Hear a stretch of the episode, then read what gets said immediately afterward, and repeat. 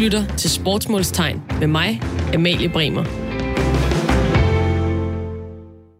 Så tager vi hul på et øh, nyt afsnit af Sportsmålstegn. Jeg er klar til at komme igennem en masse undren fra sportens verden sammen med jer derude, og selvfølgelig sammen med min hushistoriker her i studiet. Det er dig, Asger Hedegaard Bøje. Du er idehistoriker, og så er du forfatter og journalist, og så er du øh, ikke uvæsentligt i den her sammenhæng kæmpe sportsfan og sportsnørd, kan man vel også kalde dig uden at fornærme nogen? Ja, det må man gerne. Fedt. Altså, i min verden, der er nørd, det er jo en god ting. Ja. Det betyder bare, at man, øh, at man har sat sig ind i tingene. Øh, vi har en lille team foran os, hvor vi stiller spørgsmålstegn ved sportens mærkelige verden. Er du, er du klar? Jeg er så klar. Fedt. Jamen, øh, så lad os bare komme i gang. Du lytter til Radio 4. Så skal vi øh, til noget, som øh, kan virke en, øh, en lille smule specielt for os, som ikke er vant til at beskæftige os med, med sport på, øh, på højt plan. Det er, er nemlig OL-år i år, og det betyder, at der er nogle sportsfolk, der får rigtig, rigtig travlt. For eksempel så slutter årets Tour de France den 19. juli, og bare seks dage senere, så starter OL i landevejscykling for mænd. Og øh, det er i, øh, i Japan. Så udover at der er enormt lille restitutionsperiode, så er der altså 8 timers tidsforskel mellem Frankrig og Japan, hvor OL som sagt afholdes øh, den her sommer. Og man siger normalt, at man optimalt set skal have en dags hvile for hver tidszone, man rejser igennem. Så det skulle altså være 8 dages hvile mellem afslutningen på Tour de France i Paris, og så starten på, øh, på landevejsløbet i, øh, i Japan. Og på hvis man altså skulle have de bedst mulige forhold for at indstille sig på den nye øh, tidszone. Men cykelrytterne, de har som sagt kun seks dage mellem de to løb, og så er der selvfølgelig rejse og indkvartering og forberedelse osv. Ikke umiddelbart en øh, super fed måde at starte et øh, OL på, tænker jeg, men øh, hvilken indflydelse kommer det egentlig til at have, og hvor omstartsparate, omstillingsparate er atleterne, når det kommer til stykket. Asger, helt overordnet set, så virker det skørt, at man ikke har planlagt de her ting med lidt mere luft imellem sig, altså det kommer til at sænke niveauet, tænker jeg, enten i slutningen af turen eller til OL? Jamen, det er rigtigt. Jeg tror, det er fordi øh, de her store institutioner, altså Tour de France og de olympiske lege, de er jo også konkurrenter. Altså man kan sige, de er selvfølgelig interesserede i begge steder, at, øh, at øh, udøverne kommer i bedst mulig form, men, øh, men, men de vil gerne have det hos, hos dem. Ikke? Så, så det betyder knap så meget for turledelsen, øh, hvordan øh, rytternes form er til, til de olympiske lege. Men altså, jeg tænker også, hvis man er turarrangør, og man ved, der kommer et OL, det er kun hver fire år, det tager unægteligt øh, ret meget fokus, også hos, øh, hos de her rytter.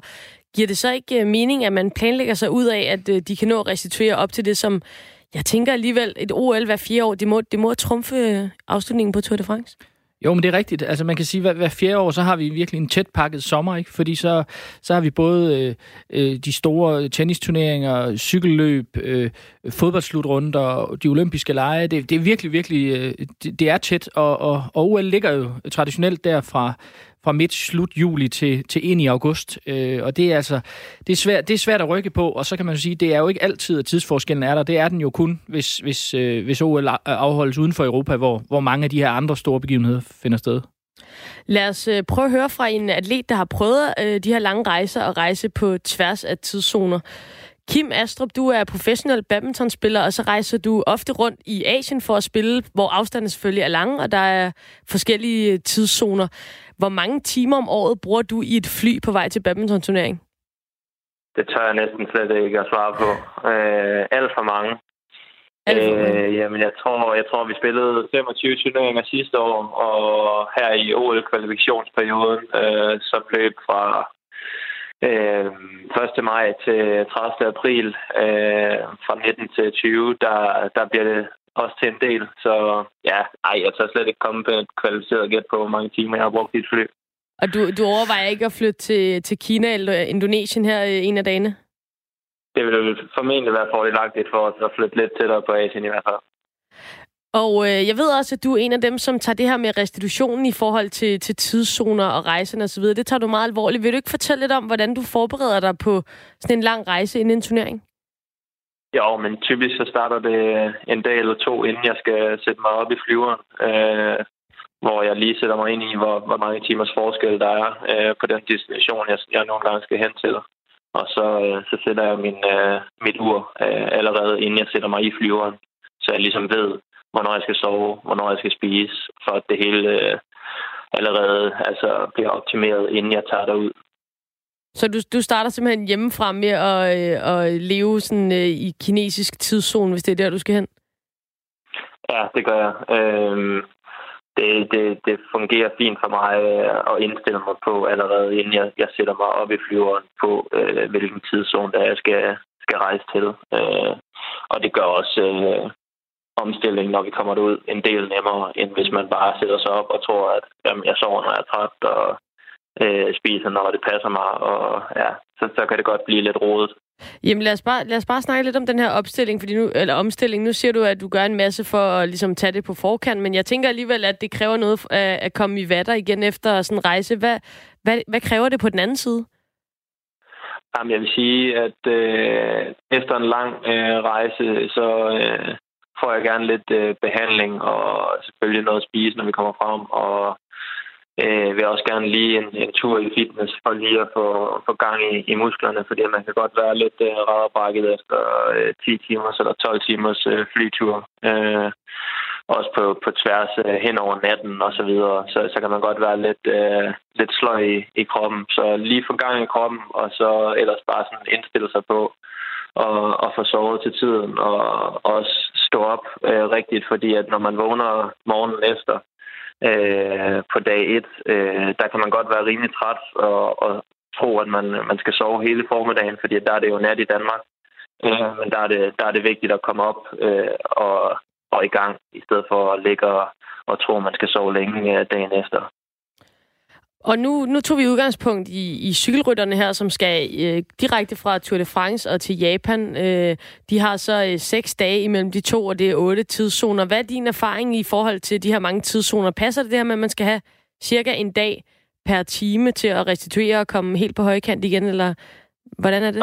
Optimalt set vil jeg sige, at, at man nok skulle have en, en dags tid øh, per tidszone, man rejser igennem. Øh, det, det passer nok meget rigtigt. Øh, vi, vi har en 4-5 dage, når vi rejser derud øh, til Østen, øh, normalt set.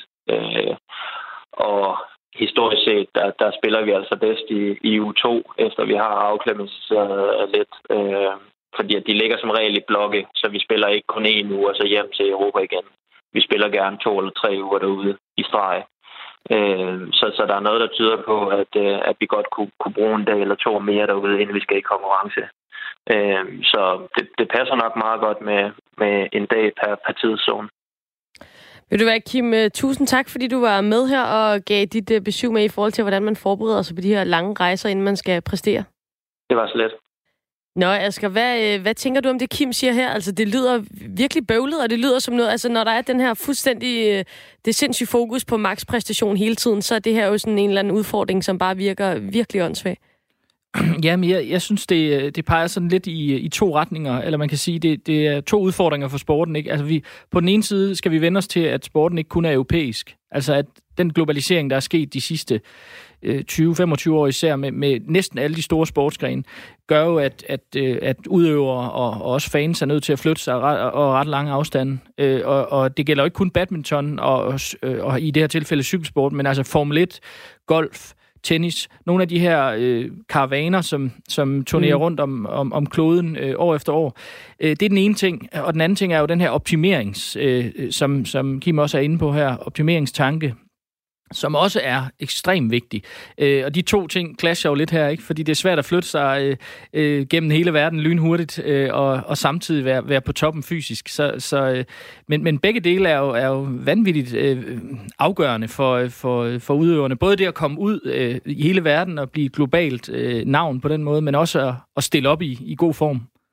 Det, det er måske også lidt navlepillende af, af os som europæere at sidde mm. her og sige, det, det er irriterende, at det, det, skal også, det er også irriterende som seer, at man skal stå tidligt op eller gå sent i seng for at se det her, men det er jo klart, altså, det er vel bare en, en del af globaliseringen, som du siger. Jamen, det er det jo. Altså, det, det er jo og, og nogle sportsgrene, kan man jo sige, der er, øh, der er fokus jo for længst flyttet fra Europa og, og, og andre steder hen. Altså, øh, vi har set det her med Victor Axelsen, en anden badmintonspiller, som, som har lært sig selv, eller har, har lært kinesisk, mm. ikke? og for at kunne begå sig på det kinesiske marked. Så der kan man jo sige, i, i badminton, der er, der, er, der er øh, centrum jo i Asien. Og der er Europa jo periferien der. Så, øh, så, og det tror jeg egentlig, vi vil se med, med flere og flere sportsgrene, at øh, også fordi de store penge ligger uden for Europa i de her år, så det her med udflytning af turneringer og, og stævner og, og mesterskaber, øh, så det kan vi nok godt lige, lige så godt vende os til, at vi skal stå tidligt op, og udøverne skal, skal flyve meget. Udøverne kan også lige så godt øh, vende sig til det. Vi har ringet til Lars Johansen, som er fysiolog hos øh, Team Danmark. Og øh, Lars, du er med her. Øh, altså, de fleste af os har prøvet at rejse til Asien eller USA, og for eksempel har oplevet at være helt smadret af jetlag i dagevis bagefter. Men kan du ikke prøve at forklare, hvad er det helt konkret, der sker med kroppen, når man rejser mellem de her tidszoner? Jo, det vil jeg meget gerne. Det er jo, øh, det er jo øh, ja, som du siger, en, en udbredt, øh, eller noget, som de fleste har stillet bekendtskab med. Og det, der egentlig sker sådan helt simpelt, det er jo, at der sker en, en synkronisering mellem, øh, mellem det, man kalder det indre ur, og så, øh, og så øh, ja, den, den virkelighed, man er i. Så man kommer simpelthen ud af synkronisering, og det, øh, det kan jo øh, opleves på forskellige måder, men typisk vil man jo opleve nogle, nogle problemer med at sove og, og, og være frisk på de rigtige tidspunkter, som, som, øh, ja, som er virkeligheden på, på, det, på den destination, man når frem til. Og hvor vigtigt er det? Altså for os andre, så kan vi måske godt lige, øh, så kan vi godt lige møde en time senere på arbejde, eller man kan tage en ekstra feriedag, hvis det er det. Men altså, når man er sportsmand eller kvinde og skal optimere øh, sin, sin præstation, altså hvor vigtigt er det så, at det her indre ur, det er på linje med, med det ydre?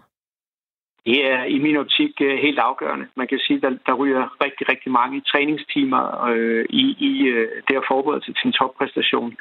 Så hvis man forsømmer at optimere den her del, så er det min, ja, i min optik en, en, øh, det, det, er en, det er lidt en dødssynd, fordi det, det, er jo det, det er jo den aller sidste del af forberedelsen, som i sidste ende skal føre til, at man får udnyttet hele sit potentiale. Altså al, al den træning, man har i bagagen, skulle gerne blive, blive nyttig øh, i konkurrencesituationen. Så møder man op øh, dårligt forberedt i forhold til, til jetlag, så er, man, øh, så er man dårligt stillet. Og der er masser af eksempler, øh, når man kigger tilbage, og jeg i hvert fald, når jeg har set på, på præstationer, har siddet og tænkt, kunne det være, at, at der manglede en lille bitte smule i, i, i den forbindelse. Så hvad skal man gøre for at komme øh, i gang igen efter sådan en gang jetlag der?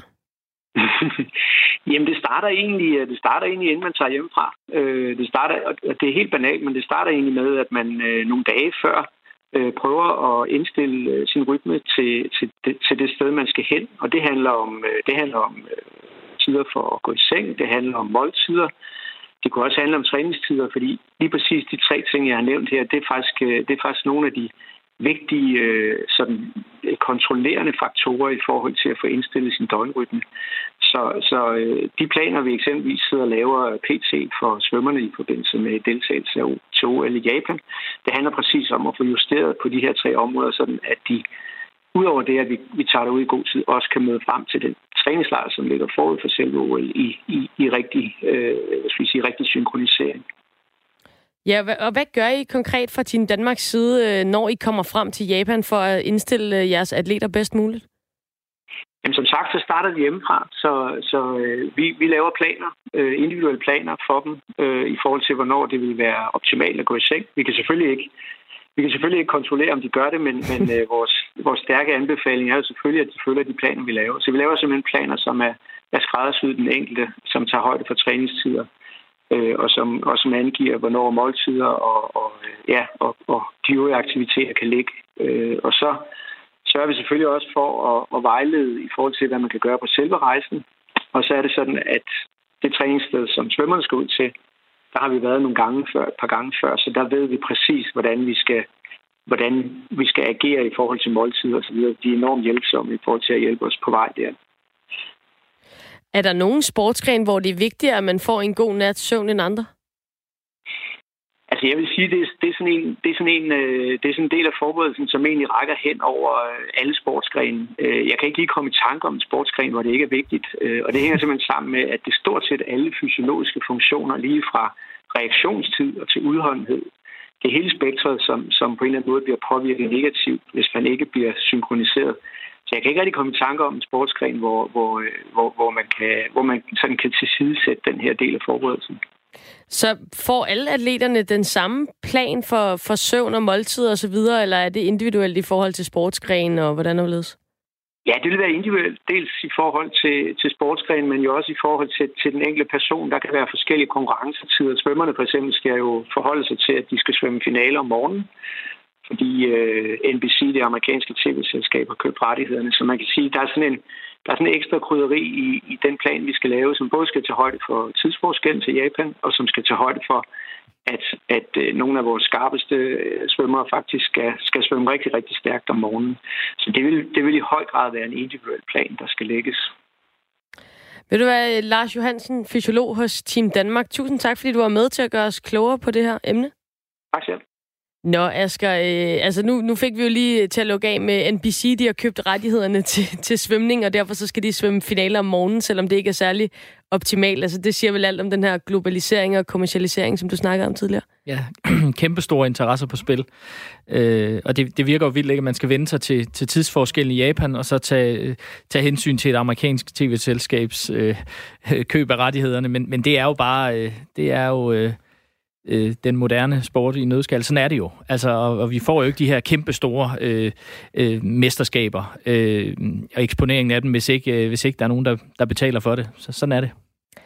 Og øh, nu introducerer jeg lige en, øh, en tredje person, som er med os i studiet i dag. Øh, Stanis, det er dig, Stanis Elsborg. Du arbejder for organisationen Play the Game, som blandt andet også, tænker jeg, har med, med sådan noget her at gøre. Altså, hvad, hvad er jeres input? Hvad, hvad tænker I om den her kommercialisering, som jo Altså på mange måder er det fedt, at der er mange, der kan følge med i OL, men det er vel også ødelæggende, at øh, de skal tidligere op om morgenen og svømme en OL-final?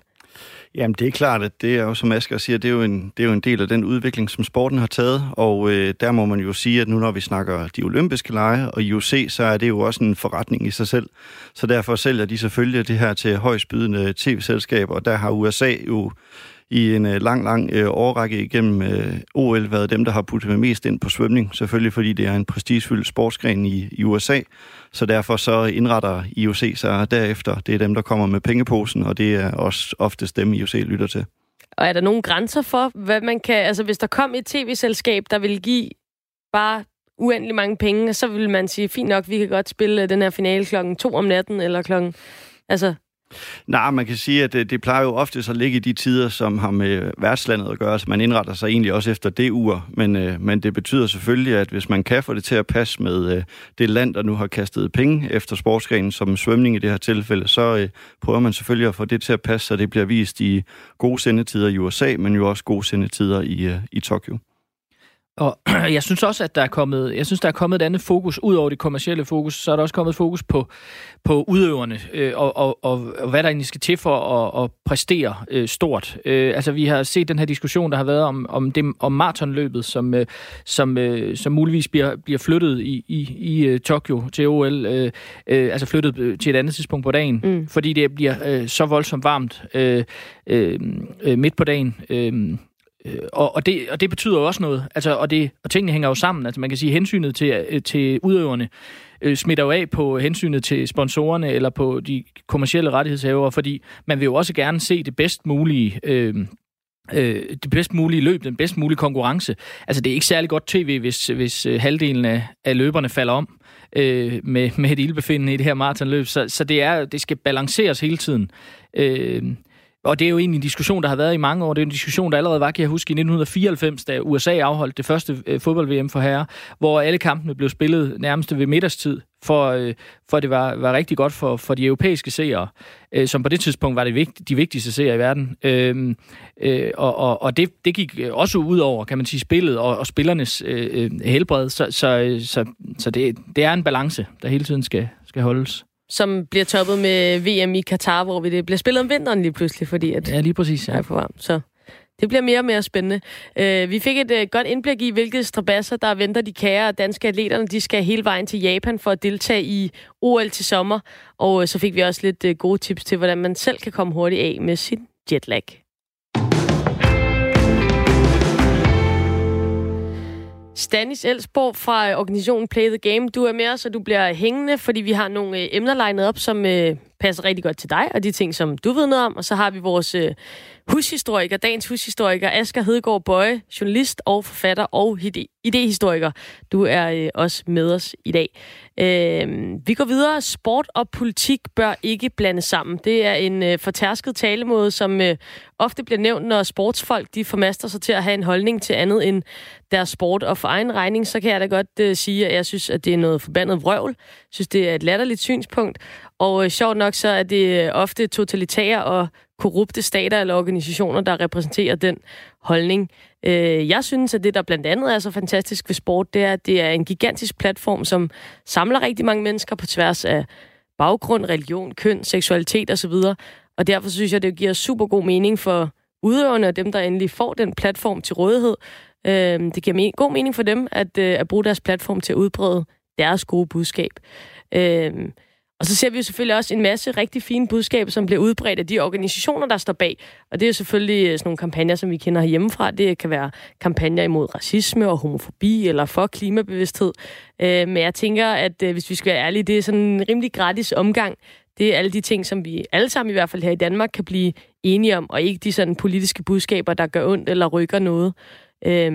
Hvad tænker du, Asger, om sport og politik? Er det noget, der bør blande sammen, eller kan blande sammen, eller er det noget, man skal holde hver for sig, hvis det står til dig? Det er noget, der ikke rigtig kan holdes hver for sig, øh, men som vi igennem øh, ja, jeg vil sige, to, to og tusind år har, har insisteret på, eller har, har fortalt hinanden, at vi prøver at holde, holde adskilt. Og især kan man sige med professionaliseringen af sporten i Europa i i slutningen af 1800-tallet, så, så står det rimelig klart, at, at, øh, at, at sport og, og, øh, og samfund hænger rigtig øh, klart sammen. Ikke? Fordi man kan sige, at amatørsport er jo kendetegnet ved, at, at, at, øh, at øh, den er løsredet fra samfundet. Ikke? Det er en leg, som vi gør ned i, i parken eller i, i den lokale idrætshal. Ikke? Hvorimod man kan sige, at, at den professionelle sport altid er vævet ind i verden. Og den er altid vævet ind i økonomi, og den er vævet ind i religion nogle steder i verden, og den er øh, næsten altid også øh, vævet ind i politik på en eller anden måde. Så, så du har ret, det er jo hyggeligt, når man siger, det kan adskilles, men jeg tror, vi siger det for ligesom at holde en balance, eller holde det en smule i skak. Altså fordi vi måske, øh, som du siger, godt vil bruge platformen til nogle ting, men også ved, at hvis vi siger, øh, hvis vi siger, hvis vi giver det frit, så, øh, så kan vi måske øh, havne i nogle situationer, hvor øh, Øh, øh, udøvere kan blive brugt af stater, magt og regimer rundt omkring til at udtrykke øh, øh, politiske holdninger i den bedste sendetid. Og det, det er der jo selvfølgelig en, en god risiko for kan komme til at ske. Så er det jo bare det, man også skal bruge platformen til at, at snakke om, øh, tænker jeg. Altså, når jeg tænker på, på nogle af de nedslag i sportshistorien, som står klart for mig, selvom det er lang tid før min tid, så er det øh, Jesse Owens, der vinder medaljer i, øh, i 36 ved, ved OL i Nazi-Tyskland, og det er Catherine Switzer, der løber Boston Marathon som den første kvinde nogensinde, og det er de her Black Power... Øh, hilsner, eller hvad man, man kan kalde det, med, med, med den knyttede næve, det er Colin Kaepernick og så videre, som ikke øh, vil rejse sig for den amerikanske nationalmelodi. Og det er jo alle de protester, som gør ondt. Det er nogle af dem, der gør ondt på de udøvere, som også øh, vælger at stille sig frem. Øh, og det er også det, der gør rigtig meget indtryk på mig som sportsfan. Øh, Stanis, hvad tænker I, I i Play the Game? Altså, de her store øjeblikke, det er vel også det, man gerne vil, vil have frem i sporten? Jamen, man kan sige, at nogle af de der eksempler, du hæver frem der med øh, øh Black Power Salute i 1968 i, i Mexico City, er jo i virkeligheden det, som kendetegner det, man kunne kalde det olympiske paradoks. Altså IOC på den ene side forsøger med deres regelsæt og deres charter med det, der man kalder regel 50, og indskrænke atleters rettigheder, altså man ikke må lave nogen former for politisk demonstration på de olympiske arenaer.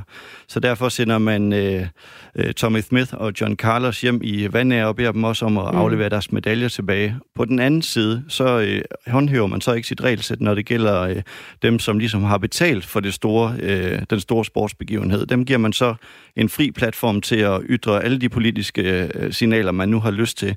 Så der eksisterer i virkeligheden et paradoks fra IOC's side, og det paradoks bliver nok ikke øh, mindre tydeligt nu her, når vi når til, til Tokyo, fordi at man jo indskrænker atleternes rettigheder, og på den anden side så åbner man øh, fuldstændig op for, at, øh, at øh, staterne kan bruge øh, platformen politisk.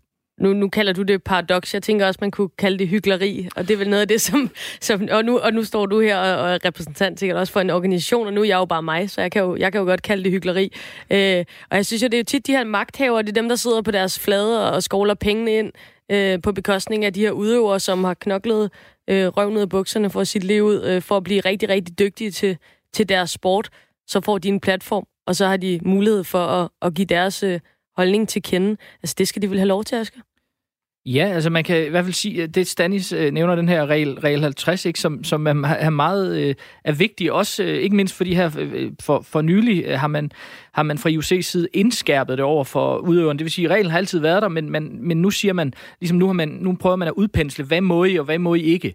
Altså det vil sige, I må ikke knæle på, på medaljeskamlen, men I må godt i det efterfølgende interview til pressemødet sige et eller andet, der kunne tolkes kontroversielt i andre lande, eller hvad ved jeg. Men, men altså, så, så, så de forsøger at gå sådan en, en gang imellem de her to øh, positioner.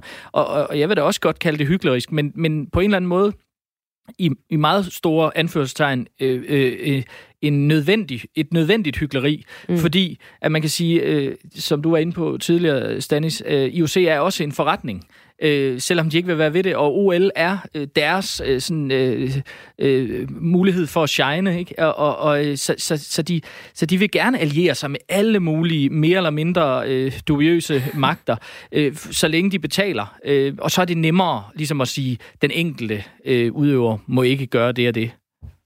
Jamen, jeg vil, jeg vil bare supplere, at der er jo også et dilemma i den her regel 50. Altså, hvis man bare giver øh, frit slag til alle, altså man fjerner reglen, så øh, risikerer vi også at blive model til nogle øh, politiske ytringer, vi ikke har lyst til. Altså fascistiske hilsner, for eksempel. Og øh, det er vi selvfølgelig ikke så interesseret i. Øh, og der kan man selvfølgelig diskutere, om ytringsfrihed ikke gælder alle, men på en eller anden måde må man jo selvfølgelig også sætte en grænse for, hvad man vil, vil være model til.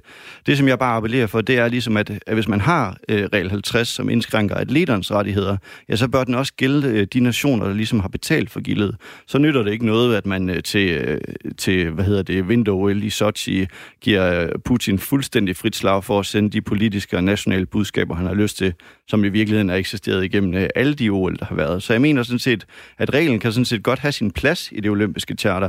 Det må bare gælde både atleter og statsledere og dem, der betaler for gildet.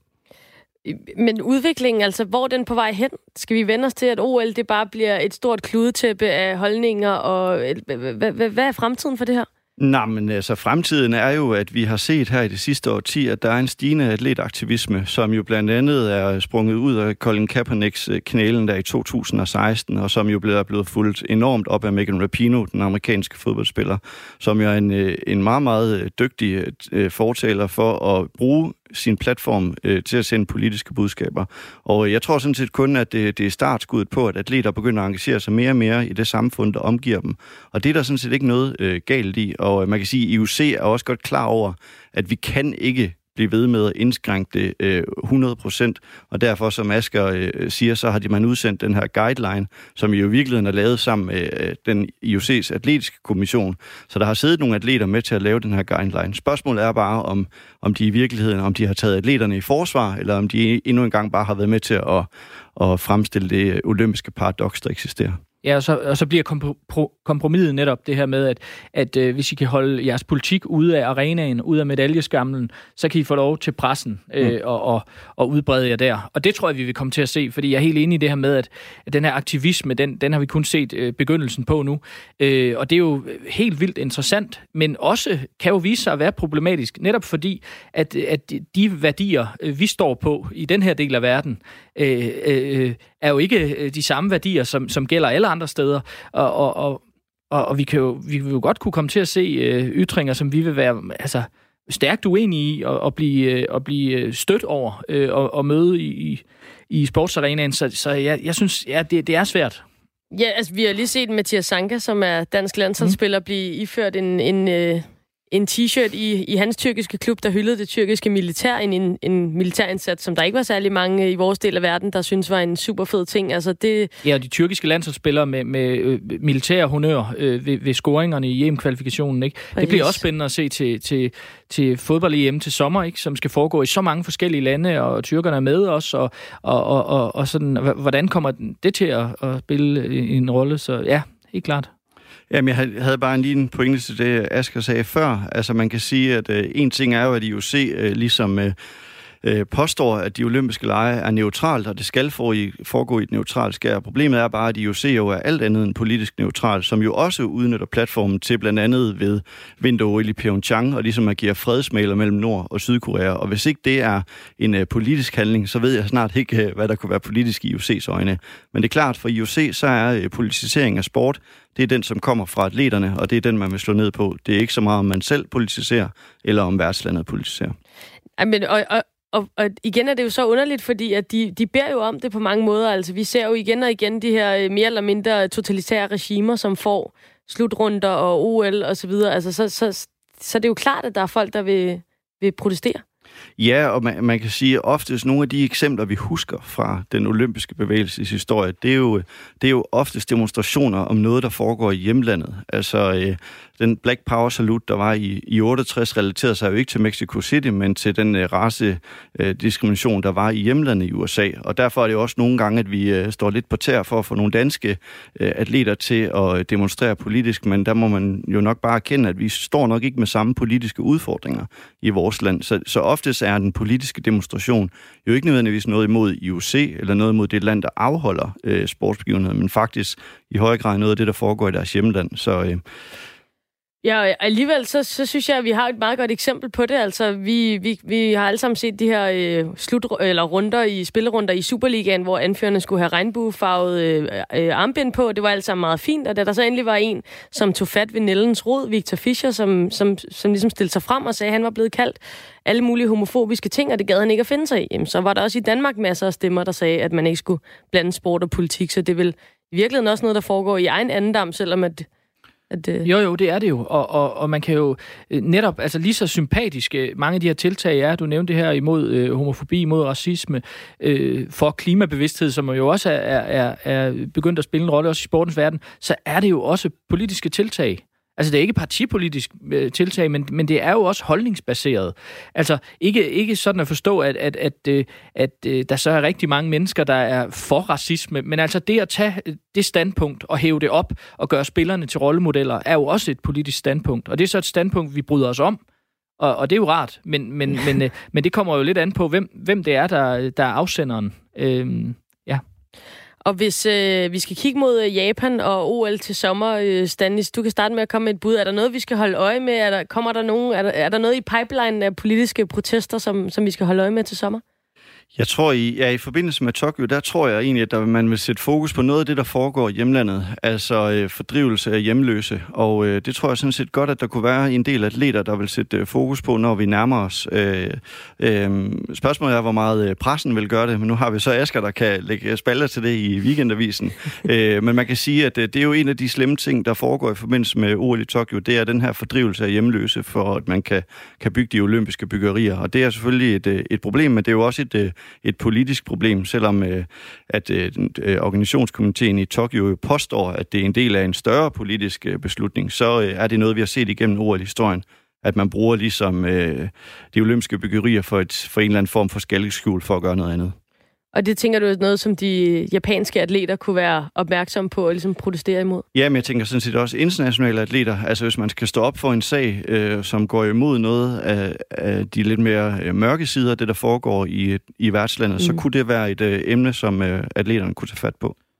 Ja, jeg bare lige en kommentar til det her også med, øh, med, med den her sammenblanding af sport og politik, som vi har set historisk. Øh, så, så tror jeg, en af forskellene på nu, og så for eksempel under den kolde krig, ikke, hvor vi så øh, både øh, øh, OL i, i Moskva i 80 og OL i Los Angeles i 84, hvor henholdsvis Vesten og, Øst, øh, og Østblokken øh, øh, øh, markerede sig der og blev væk og boykottet. Og så det, det er jo ikke det, vi ser i dag. Altså det er mere på individplan ofte, at den her, øh, eller på, man kunne sige sådan identitetspolitisk øh, sådan i, i bred forstand. Altså, det, øh, hvem, øh, hvem vil jeg gerne øh, stå op for? Øh, og, og jeg vil gerne vise, hvad jeg står for, den enkelte. Øh, altså, det er jo det, Megan Rapinoe for eksempel og står for. Det er jo ikke, en, det er jo ikke to øh, systemer eller to lande, der står mod hinanden. Det er jo, det er jo snarere den enkelte, der sådan rejser sig og, og gerne vil kaste lys over et eller andet, han eller hun synes er, er uretfærdigt. Og tak fordi, at vi kunne vende det her i sportsmålstegn. Det var et af de lidt øh, tungere emner, vi har haft øh, oppe her, men øh, der er plads til det hele. Normalt er vi ikke super aktuelle her i programmet. Vi kan tage, øh, tage lidt af det hele op, men øh, vi kan alligevel ikke lade være med at runde Karoline Wozniacki, som jo er bekendt, som, som bekendt har takket af fra tennis, da hun blev slået ud af Australian Open. Det har affødt rigtig mange diskussioner i vores skønne lille, lille land om, hvorvidt Karoline Wozniak er en af de største danske sportsnavne gennem tiden. Men hvordan i alverden måler man på den slags på tværs af tid, sportsgrene, holdpræstationer versus individuelle præstationer osv. osv. osv. Der er virkelig mange parametre i spil. Asger, jeg ved, at du har prøvet at opstille nogle af dem, øh, og prøve at komme lidt omkring det. Prøve at sætte noget i spil, som vi kan snakke om, når vi skal måle storhed inden for sport. Øh, vil du prøve at riste dem op? Ja, men det er fordi, jeg bliver ofte stillet det spørgsmål også. Hvem er størst? Ikke? Og det er altså alle mulige sportsudøvere. Og så tænker jeg, okay, nu, nu prøver jeg virkelig fire idiosynkratiske øh, øh, parametre her. For det første, øh, meritterne. Altså, hvad har han eller hun vundet? Titler, medaljer, det der kan måles. Øh, dernæst, øh, altså karrierens varighed. Hvor lang tid har man været på toppen? Øh, øh, er det bare øh, en enkelt øh, måned, et enkelt år, øh, et par år, man har været god, eller er det igennem lang, lang tid? Ikke? Det tæller også for mig. Øh, indflydelse på sin sport, som man kan sige er mindre objektiv, men det her med, har man faktisk betydet noget for sin sport, både i hjemlandet, men også, i, også internationalt? Har man været med til at skabe noget nyt? Har man været kreativ på en ny måde? Ikke? Og, øh, og, og, øh, og så sidst, øh, og man kunne måske sige lidt kontroversielt, så tænker jeg alligevel, at det, det er vigtigt, det her med, hvor stor sporten er. Det betyder noget for mig i hvert fald. Ikke sådan, at, at man ikke kan være en fantastisk øh, idrætsudøver i en lille sport, men, men for at vi ligesom kommer op på det der ikon-niveau, så skal, det, så skal der være en udbredelse. Både skal eliten være stor, øh, og så skal, altså globalt, og så skal bredden også være der. Øh, og hvis man sådan indfrier de fire, så tænker jeg, så er man, især i et land som Danmark, så er man rigtig godt på vej til at være, være en af de store. Så er man godt på vej. Altså, jeg, jeg, kan jo jeg kan godt købe ind på, på de her fire øh, kriterier. Hvad tænker du, Stanis? Jeg synes, det er rigtig gode kriterier. Det sidste kriterie er ofte et, jeg har brændt nallerne på i øh, håndboldglade Danmark, mm. at, øh, at der selvfølgelig ligger noget i det, i hvor stor, hvor svært er konkurrenceniveauet på absolut eliteplan. Og øh, der kan man sige, at håndbold er jo meget, meget populært i Danmark, men i virkeligheden er det jo en, øh, en nichesport i Europa, som ingen andre øh, ude i den store hvide verden øh, interesserer sig for. Og øh, lige præcis sportens udbredelse, det er vel også noget af det, der taler for sådan en som Karoline Wozniacki, tænker jeg. Der er rigtig mange, der spiller tennis rundt omkring i verden, og det er sindssygt svært at blive en af de allerbedste øh, til tennis.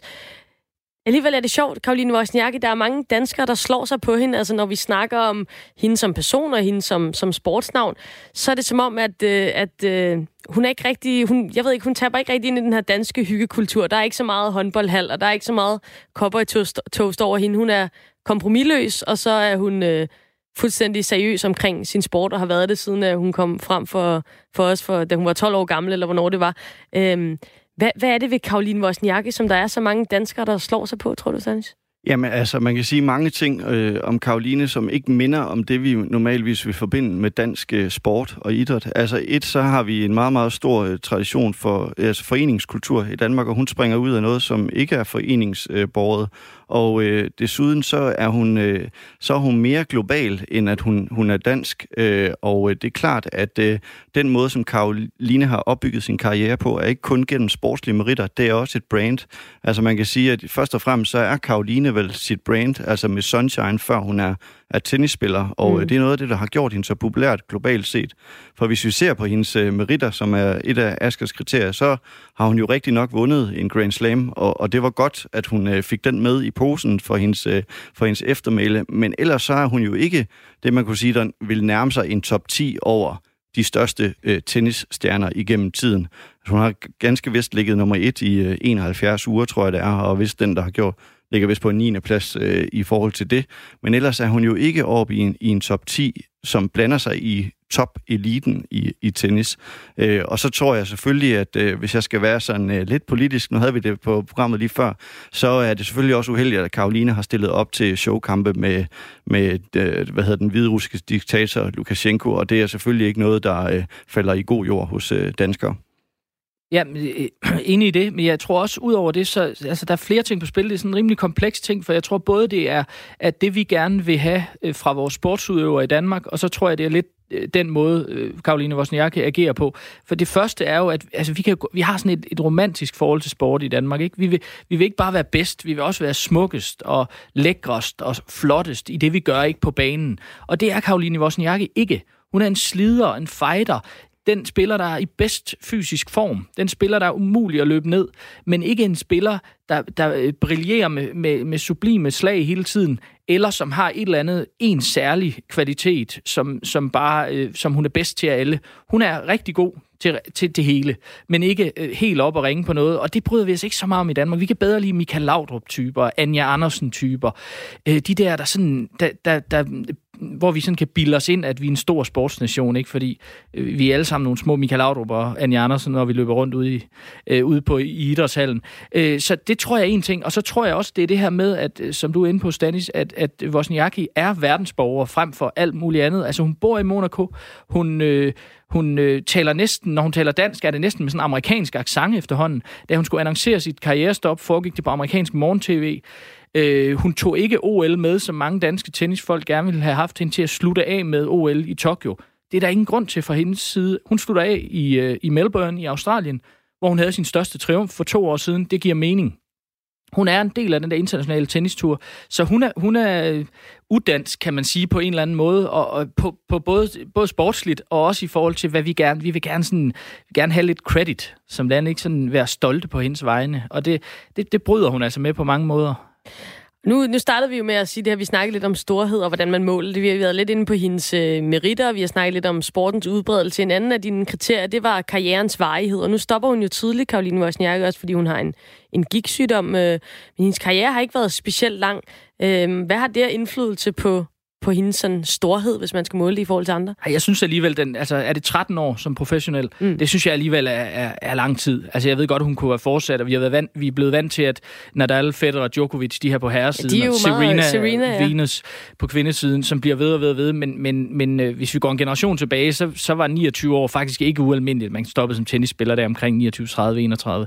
Så jeg synes stadigvæk, det er en lang karriere. Hun har haft hele, altså, hvis jeg siger, har hun ikke måske ligget ud over nogle skadesperioder i top 50, har hun vel ligget nærmest hele tiden, og, og, og den her første plads i så mange uger, og top 10 i, i, i det meste af karrieren også. Så, så der synes jeg heller ikke, hun, hun mangler noget.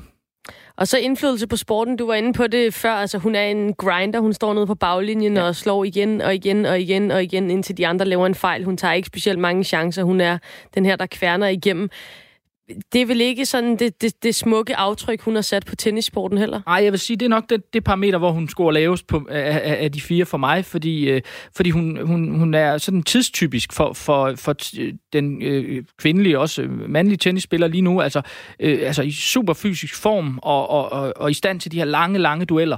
Men det er ikke hende, der sådan, øh, øh, bringer noget nyt ind. Der er ikke mange af hendes dueller, man, man tager op nu her, eller om fem år og siger, kan I huske det, eller kan I huske den bold? Altså, øh, øh, og der, der, der, der kunne jeg godt savne lidt, ikke? Men, men det er måske igen det danske i mig, der, der siger, at, øh, det kunne også være fantastisk, hvis hun var sådan en, som, som imponerede med, med sin kreativitet på banen. Øh, der vil jeg sige, man kunne måske sige, at hun, hun, hun har taget tennisen til et nyt niveau uden for banen. Altså det her med øh, at, at spille øh, bold med Obama og være slyngveninde med, med Serena Williams og, og være en kæmpe celebrity i amerikansk sport. Det er der ikke særlig mange andre danskere, der, der har formået at gøre i, i, i sportshistorien.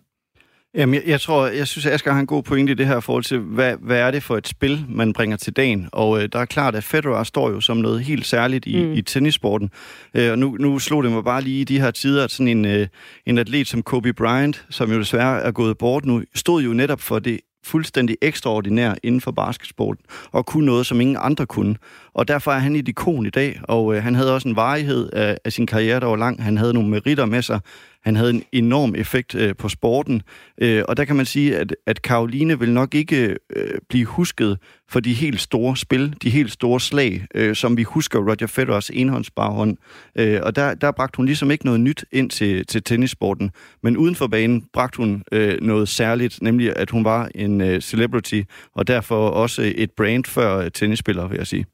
Og så kræver det jo også noget, uanset om det er positivt eller negativt, men altså hun har i hvert fald fået danskerne i gang med at diskutere tennis og se tennis, også selvom at det er midt om natten, som vi snakkede om før. Hvor vil I sådan placere, hvad, hvad, hvis du starter, Asger, hvad er din sådan top 3 over største danske sportsnavn. Nu, nu fanger jeg dig måske lidt på, på bagbenene. Du kan men godt hvis se, at du jeg lige... begynder at kigge ud over banegårdspladsen her med et drømmende men, blik. Men, Ja. men, Jeg er glad øh, for, at jeg får måske, lidt altså, det, det er ikke noget, du bliver hængt op på, men, men hvor er Karoline i sådan en sammenhæng? Er hun i en top 3, eller er hun lige udenfor? Eller hvor, hvor, hvor, hvor er du Hun henne? er for mig helt, altså, helt op. Altså, om det så er top 3 eller top 5 er svært at sige, men, Mm. men helt klart. Altså, øh, slet ikke i tvivl. Øh, altså, der er sådan nogen som, altså Paul Elfstrøm, den gamle Ja. ja. sejler, bliver ofte taget frem. Øh, også for sin altså, kæmpe store betydning for sporten, internationalt set, og selvfølgelig for, for alle OL-deltagelserne og medaljerne. Øh, Michael Laudrup. Øh, men altså, jeg har svært ved at, at komme på mange andre, vil jeg sige. Altså, hun er, hun er helt deroppe for mig. Øh, og, og altså, det kan godt være, at hun kun i går, så han har vundet en Grand Slam og en VTA Finals der. Øh, men, øh, men, øh, men jeg synes, øh, alle, de, alle de titler øh, og, og den, sådan, konst, det konstante høje niveau, øh, og så fordi, og så kan man sige, at tennissporten er øh, den største kvindesport i verden. Det er der, det er sværest at komme, at komme igennem. Øh, så, så, øh, øh så, så hun er helt, øh, lad os bare sige, lad os sige top 5 og top 3 på en god dag. Og det, det, det er meget sjovt, at du lige kommer ind på det her med, med kvindesport og tennis. Altså, da, da hendes karriere sluttede øh, lige for nylig, så så vi altså øh, Roger Federer, Rafael Nadal, Novak Djokovic og Serena Williams i en hyldestvideo til hende. Jeg tænker ikke, at øh, vi ser, øh, når Christian Eriksen han stopper karrieren, så ser vi ikke øh, Neymar og Cristiano Præcis, Ronaldo og Lionel præcis. Messi i en hyldestvideo til ham. Det vidner jo også om, Ja, det vidner for det første om, øh, hvor, hvor fedt det er, at tennis er sådan en ligestillet sport, og så vidner det om, at hun er et kæmpe navn i sin samtid. Helt, Ja, jamen, hun er, hun er kæmpestor. Altså, og øh, nu, øh, hvis tiden er ved at løbe, så vil jeg bare lige nå at skyde en ind på øh, Askers liste, som i virkeligheden er tilbage i tiden. Altså Lis Hartl, som var dressurrytter, som kæmpede sig tilbage for at være polioramt, og som i virkeligheden øh, opnåede ikke at vinde de helt store, men hun kæmpede trods alt mod mænd, og jeg synes, at øh, hun, er, hun er lidt underkendt i øh, idrætshistorien. Jeg, jeg ved godt, at Asger øh, kender hende, øh, men jeg synes lige, hun var øh, fortjent at blive nævnt. Øh, men, men helt sikkert, Karoline er der, øh, er der en top 3 på en rigtig, rigtig god dag. Nå, så har vi fået en uh, helt tredje gæst her i studiet, og uh, det er dig, Storm, som er praktikant her på Radio 4, og som går i 7. klasse på Aarhus Friskole. Hej med dig, Storm. Hej. Og øh, vi leder jo altid efter øh, gode sportsmålstegn til vores program, og øh, du har været en del af redaktionen i den her uge, og så har du været med til at, at lave programmet her. Og du er kommet på et spørgsmål, som vi synes passede rigtig godt til øh, vores gæster i dag. Øh, Storm, hvad er det for et øh, spørgsmål, du har gået og grublet over? Øhm, jo, jeg har tænkt over, hvornår kan man egentlig kalde en sport for en sport? Og det altså. synes jeg jo er et øh, rigtig, rigtig godt spørgsmål. Øh, Asger, det skal ikke være øh, nogen hemmelighed. Jeg spiller for eksempel bordfodbold, og det er noget, som øh, vi snakker rigtig meget om. Er det en sport, eller er det ikke en sport? Øh, hvad, hvad tænker du selv, Storm, når du har gået sådan og, og spekuleret på det her spørgsmål? Hvor, hvor vil du selv sådan sætte grænsen om, om noget er en sport eller ej? Øhm, jo, altså, øh, jeg ved det ikke, fordi at for eksempel bordfodbold, det, altså, det er jo en konkurrencesport, men man får jo ikke sved på panden på den måde. Nej. Så jeg ved ikke, hvornår grænsen egentlig går. Hvad med skak så? Øhm, ja, jeg vil kalde det en sport. Og hvad med, hvad med, hvad med Counter-Strike? Counter-Strike. Det vil jeg ikke kalde en sport. Nå. Øhm, det ved jeg ikke. Nej, men det... Det er også svært at forklare, ikke? Ja. Fordi det, man kan godt have en følelse om, at det, det er ligesom bare noget andet på en eller anden måde. Jo. Hvad, hvad, hvad tænker du, Asger? Altså, nu har vi lige været i gang med en masse kriterier for, for storhed, og så kan vi jo gå videre til, til de næste kriterier, han sagt for, hvad, en- hvad en sport er. Hvad, hvad, hvad tænker du er vigtigt at skelne imellem, når man, når man skal finde ud af, om noget er en sport? Jamen, jeg synes, det er et rigtig godt spørgsmål. Det, det, er, virkelig sådan, øh, det, det er virkelig noget, man ikke rigtig kan blive færdig med at, at, at, at, at finde ud af, fordi det kommer an på, hvordan man definerer det. Ja? Og, og jeg, jeg tænker måske, at to ting, der skal være noget øh, konkurrence i det, og der skal være noget fysisk. Der, det er sådan for mig at se de to vigtigste ting, fordi man kan jo godt have et spil eller en konkurrence, som ikke er sport, altså Ludo eller øh, Kalaha, eller hvad ved jeg. Øh, øh, men, men, øh, men altså, det er rigtig svært, fordi så kan man sige, at det næste er, hvor meget konkurrence, det giver lidt sig selv, men hvor meget fysik skal der være? Er det nok, at man øh, klikker øh, med en mus, Mm. øh, eller man øh, øh, sender en dartpil afsted mod en dartskive? Øh, der er også noget fysik i det, så jeg, jeg synes, det er rigtig svært, og jeg vil, jeg vil nødt være den, der siger, at det er sport, og det er ikke sport. Men jeg synes, der skal være de to ting, konkurrence og så fysik, og så må man jo finde ud af, hvad, hvad man, hvor, hvor meget man synes, der skal være af den slags. Jeg ved heller ikke, om, om det er så vigtigt for alle øh, konkurrencer at blive kaldt sport. Altså i e-sport har der været en, en debat om det her med, om det egentlig er øh, vigtigt at kalde sig en sport. Øh, fordi, men, men altså, det kan man sige, det kan der jo være, det kan der jo være alle mulige grunde til. Så kan man, der kan være flere støttekroner i at, i at være en sport, frem for ja, ikke at være ja, en sport. Der kan, jeg jo kun, øh, der kan jeg jo tale på bordfodboldens vegne, for eksempel. Der, der ved jeg, at det på organisatorisk plan, i hvert fald internationalt, er rigtig, rigtig vigtigt at blive kaldt en sport, fordi at man ligesom, der hører nogle ting med, hvis man er anerkendt som en sport, jamen så kan man også blive dækket i, i sportsaviserne, man kan måske øh, øh, være prospekt til at komme med til OL på et mm. eller andet tidspunkt. Altså, der følger rigtig, rigtig mange ting med. Øhm, og, så, og så synes jeg, det er interessant at tage fat i det her med konkurrenceelementet. Det giver sig selv, det skal være der. Og så det fysiske, altså hvor, hvor vigtigt er det? Vi har også en skældning mellem sport og idræt, for eksempel. Øh, hvor ja. idrætten, det er jo klart, det, det er meget fysisk. Øh, og så e-sport, som jo bliver kaldt en sport, og som mere, eller mere, mere og mere læner sig hen over mod at, at blive accepteret som en sport. Jamen det, det, det er jo ikke specielt fysisk. Nej, det er jo fysisk på en anden måde. Ikke? Det kræver øh, sådan helt overmenneskelig øh, reaktionsevne og koncentration. Øh, og så, så det er jo også fysiske dimensioner, men det er jo ikke noget, vi kan se. Måske er det også et eller andet med, at man gerne som tilskuer vil kunne se, at de sveder, som du siger, Storm. Eller mm. at, øh, eller at de, øh, sådan, vi vil gerne se, at de virkelig øh, gør noget fysisk. Og det kan være lidt sværere at se, hvis, man, øh, hvis det hele foregår i håndledet eller, i, eller med pegefingeren. Øh, så måske handler det også om det, om man er udøver, eller om man er tilskuer. Øh, hvordan man ser på det måske. Og det, jeg synes, det er rigtig fedt, det du siger, Storm, fordi at det, det, det er meget sådan en følelse. Altså, sådan mm. er det også for mig selv. Det, det kan være to ting, man stiller op ved siden af hinanden, som egentlig virker ret ens. Det ene synes man er en sport, det andet ja. synes man ikke. Nu sagde du Ludo, det var i hvert fald ikke en sport. Så er der sådan noget som skak. Det tænkte Storm måske var en sport for mm. ham. Det har også været med til OL, for eksempel. Øhm, altså, kan du prøve at sætte nogle ord på, hvad er det, de der, de der følelser der? Hvorfor er det, man ikke rigtig kan, kan sætte sine fingre på, hvad det er?